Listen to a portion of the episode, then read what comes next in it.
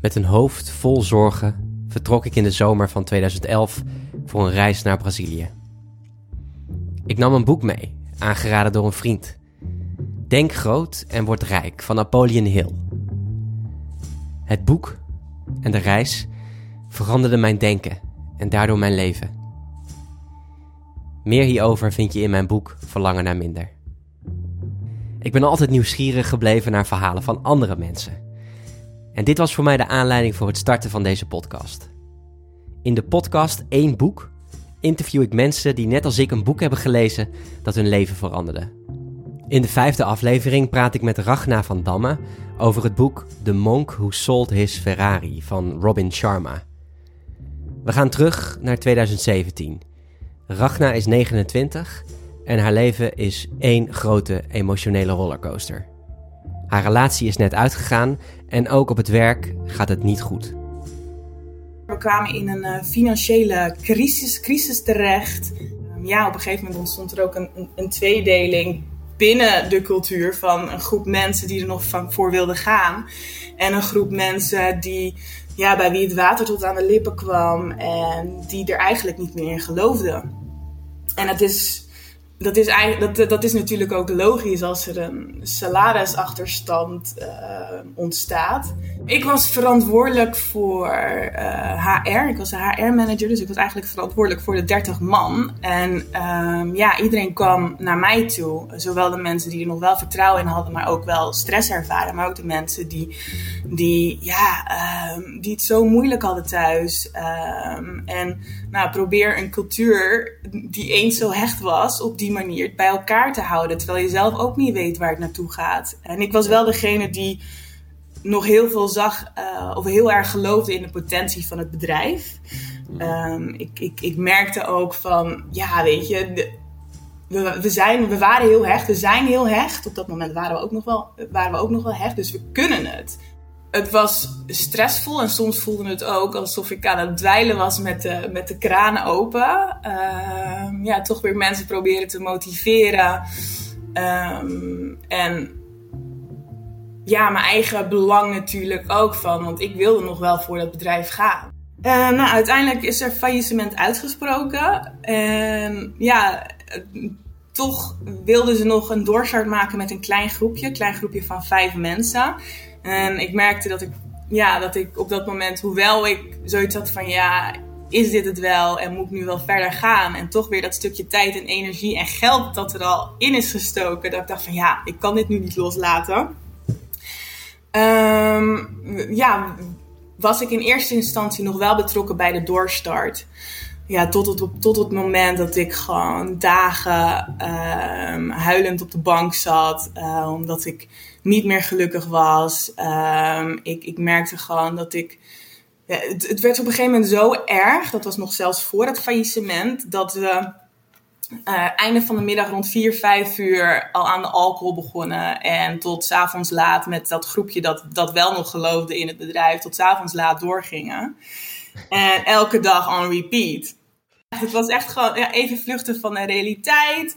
Um, uh, uh, eventjes verdoving van de chaos waar we nu eigenlijk in zaten. En mm. ja, een pleister plakken, maar eigenlijk die, die daadwerkelijke oorzaak niet onder ogen, of de daadwerkelijke realiteit niet onder ogen durven komen. En ik uh, merkte dat ik toch wel aan het instorten was. Um, ik kan me nog wel één dag goed voor de geest halen ook. Dat we op het werk, uh, na, na werk, weer, uh, weer een aantal borrels gingen drinken. En dat ik gewoon merkte dat, dat ik, dat ik gewoon heel fel kon reageren op, op de mensen. Heel prikkelbaar was geworden. En het doet er niet eens toe waar dat op dat moment over ging. Maar ik, ik werd gewoon boos op de mensen om me heen. Mm. En nou ja, uiteindelijk uh, was die borrel afgelopen en, en, en ging ik naar huis en ik barstte gewoon in tranen uit. En die boosheid die kwam gewoon ergens vandaan. Ik, ik, ik voelde me gewoon echt niet meer gelukkig daar. Um, het was te veel geworden en ja, als ik dan inderdaad um, thuis kwam en dan, nou ja, um, de tranen die, gingen die begonnen gewoon op een gegeven moment over mijn wangen te biggelen. Mhm. Dat ik dacht van wow, dit is zo heftig en dit is zo intens. Um, what is going on? En ehm, ja, dan merk je gewoon dat alles wat er gebeurd is in, in, in die paar maanden zoveel teweeg heeft gebracht. Mhm. Dat dat er op die manier uit ging komen. Het kwam eruit um, in, in prikkelbaarheid, in boosheid en ook in verdriet en tranen. Ik was daar, ja, ik was daar, in, ja, ik was daar dan op een gegeven moment de hele avond mee bezig. En ik heb me ook gewoon, dat er momenten waren dat ik me, dat ik me uh, al huilend zeg maar mezelf in slaap heb, uh, heb uh, dat ik mezelf in slaap heb gehuild. Ja, en ik heb ook zo'n moment, uh, dat was dan na, na mijn verjaardag. Mijn verjaardag was heel fijn. En ik kwam thuis en het begon weer. En dat was het moment dat ik dacht van wow, ik moet er echt, ik moet er echt mee stoppen. Dit, dit, ja. ik, ik, weet je, die huilmomenten die komen niet voor niets. Er is gewoon iets wat, ja. Waarvan ik weet ik moet het loslaten. En dat doet pijn. En nou ja, toen kwam dus ook dit boek op mijn pad. Um, ja, op het moment dat ik dus totaal niet meer happy was met mijn leven, uh, dacht ik van ja, het leven in eigen handen nemen. En toen kwam het idee van dat boek van, oh ja, ik heb dat boek een keer voorbij zien komen, ik ga die bestellen. Hmm. En toen heb ik hem besteld. En ja, ook echt binnen, binnen een paar dagen uitgelezen. En bij elke pagina dacht ik van, wow, oh my god, ja, dit resoneert zo hard met mij. En inhoudelijk uh, gaat het over een, uh, een super succesvolle advocaat. Uh, die, heel, ja, die, die gewoon heel veel geld heeft verdiend in zijn leven. Hij leefde om, om te werken eigenlijk. En mm -hmm. het moment dat het bij hem veranderde is ja, nadat hij een hartaanval kreeg midden in de, in de rechtszaal. En dat was het moment waarop hij dacht van wow, waar ben ik mee bezig? Ik uh, leef om te werken. Ik heb zoveel geld waar ik van alles mee kan kopen, maar eigenlijk ben ik niet gelukkig. Mm -hmm. En dat was het moment waarop hij op een, uh, ja, op, ja, op een soort van spirituele reis ging. Um, en um, aan de hand van allemaal Oosterse wijsheden vertelt hij zijn journey, zijn reis aan een, een goede vriend en collega van hem. Ja. Aan wie hij dat ook gunt. En ja, komt hij met allemaal voorbeelden en methodes om ja, dat stukje um, alles halen uit het leven wat er uit te halen valt. En uh, zorgen dat je hetgeen doet waar je energie van krijgt. Uh, dat je je dromen en, en, en wensen nastreeft. En de, de doelen die je daadwerkelijk wil bereiken. Hetgeen wat je echt belangrijk vindt dat je dat nastreeft. Ja.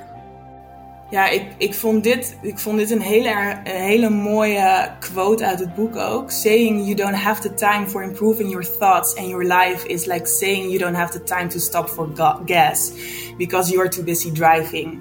Eventually it will catch up on you.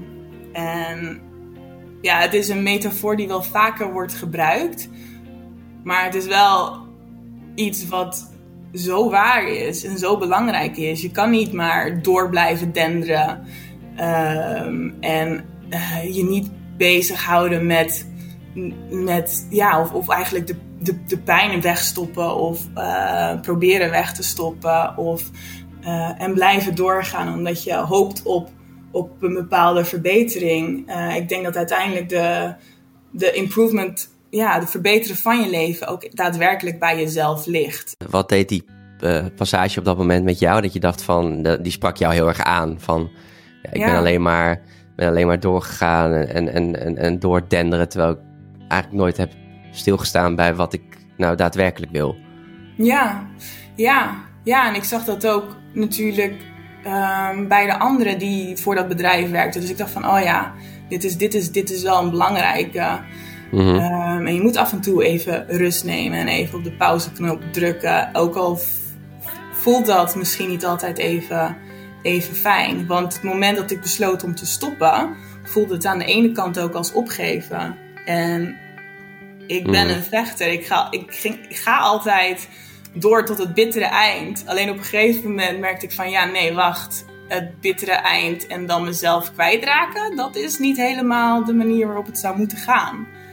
Het fulltime werken, nou, meer dan fulltime werken zelfs, en dan weekenden nodig hebben om bij te komen. Um, eigenlijk maar 24 vakantiedagen in een jaar hebben. Uh, geen tijd en energie meer over hebben om voor de mensen die belangrijk waren in mijn leven. Uh, ja, dat was, dat was niet helemaal zoals ik het leven voor me zag. Mm -hmm. ja. En wat wel op een gegeven moment erin is geslopen.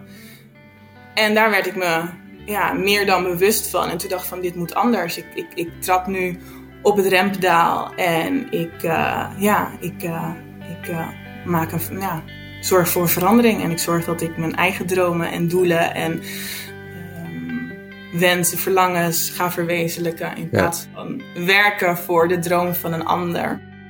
Maar wat me voornamelijk ook op het moment dat ik dat boek aan het lezen was, um, merkte, ook een andere quote, is gewoon start doing the things you've always wanted to do. And regularly move beyond your comfort zone. En dat van start doing the things you've always wanted to do. Um, ja, die sloeg op dat moment in als een bom. Omdat ik mezelf toch wel had weggecijferd de laatste paar jaren. Toch omdat ik die reis bleef uitstellen. Omdat ik niet de tijd nam om bijvoorbeeld een, een, ja, mijn rijbewijs te halen. Wat ook al heel lang op mijn to-do-list stond. Mm-hmm. En toen ik dat las, dacht ik van ja, oké, okay, het is gewoon tijd om nu voor mezelf te kiezen. En het is ook oké okay om voor mezelf te kiezen. En dat is niet opgeven. Dat is een andere weg inslaan. Een weg inslaan waar jij uiteindelijk gelukkiger van wordt. Um, en dus ja. daarmee ook het besef van hé, hey, eigenlijk door al die dingen, door, door het boek en door al dit soort quotes te lezen, kon ik de dingen die, aan het, die veranderd waren, kon ik een plekje geven. Ja. Uh, en ook dus inderdaad die, die negatieve gedachten als van het, het, ik zag het als opgeven en als het in de steek laten van vrienden en noem maar op. Hmm. Uh, dat kon ik ook omdraaien en een plekje ja. geven. Want is een soort uh, vader die tegen je zegt, doe maar, ja. ga maar, kies maar voor jezelf. Ja, ja. mooi, mooi hoe, hoe dan, ja, hoe, hoe supporting zo'n boek dan kan zijn, hè? Het is, ja. ja, het is echt nee, magisch. Ja. ja. Ja, ja, dat je eigenlijk precies die dingen leest die je op dat moment nodig hebt. Hè? En inderdaad, zoals je het zegt, van dat je net even die dingen hoort van je vader of van je moeder, die je op dat moment zo nodig hebt. En wat voor gevoel van warmte dat dan um, ook met zich meebrengt. Dat het wel goed is om voor jezelf te kiezen. Dat het wel goed is om je eigen weg in te slaan. Uh, maar uiteindelijk is het iets wat je zelf moet doen. En iemand kan nog zo hard roepen van... hé, hey, dit, is, gaat niet goed. Um, ja, je moet zelf die bewustwording krijgen. Uh, ja. En die stap durven zetten. Want het heeft natuurlijk ja. ook te maken met het durven zetten van een bepaalde stap. Ik bedoel, ik ging stoppen, maar ik had geen enkel plan. Dus ik kwam vervolgens in een gigantische onzekere periode terecht. Van ja, oké, okay, wat ga ik nu met mijn leven doen dan? Um, ja. Alles is veranderd. Mijn hele stabiele basis is, is weg. Ja. Ik moest mezelf opnieuw gaan, gaan, gaan, gaan ja, heruitvinden. Klinkt een beetje zweverig misschien, maar zo voelde het op dat moment wel van ja, wat ja. doe ik dan? Nou ja, je bent, bent bang voor dat, uh, ja, voor dat onbekende, ja. diepe zwarte gat waar je, waar je in terechtkomt ja. als het allemaal weg is. Ja. Ja, ja, ja, en uiteindelijk, en wat ik ook geleerd heb, is van zekerheid bestaat niet. En het, nee. het is onze angst voor het onzekere en uh, het idee van schijnzekerheid dat we hebben en dat ons gewoon vaak in onze comfortzone laat, laat zitten. Ja. En ja, ik, ik, ik, meer en meer besef ik, ja, zekerheid bestaat niet. Ik bedoel, je kan nog zo zeker zijn van een baan, maar dat kan failliet gaan. Ik bedoel, bin there, dan. Uh, mm. Nu ook met de coronacrisis. Niemand had verwacht dat, dat er zoiets het leven op zijn kop zou zetten. Nee. Um, en de mooiste dingen groeien uit onzekerheid.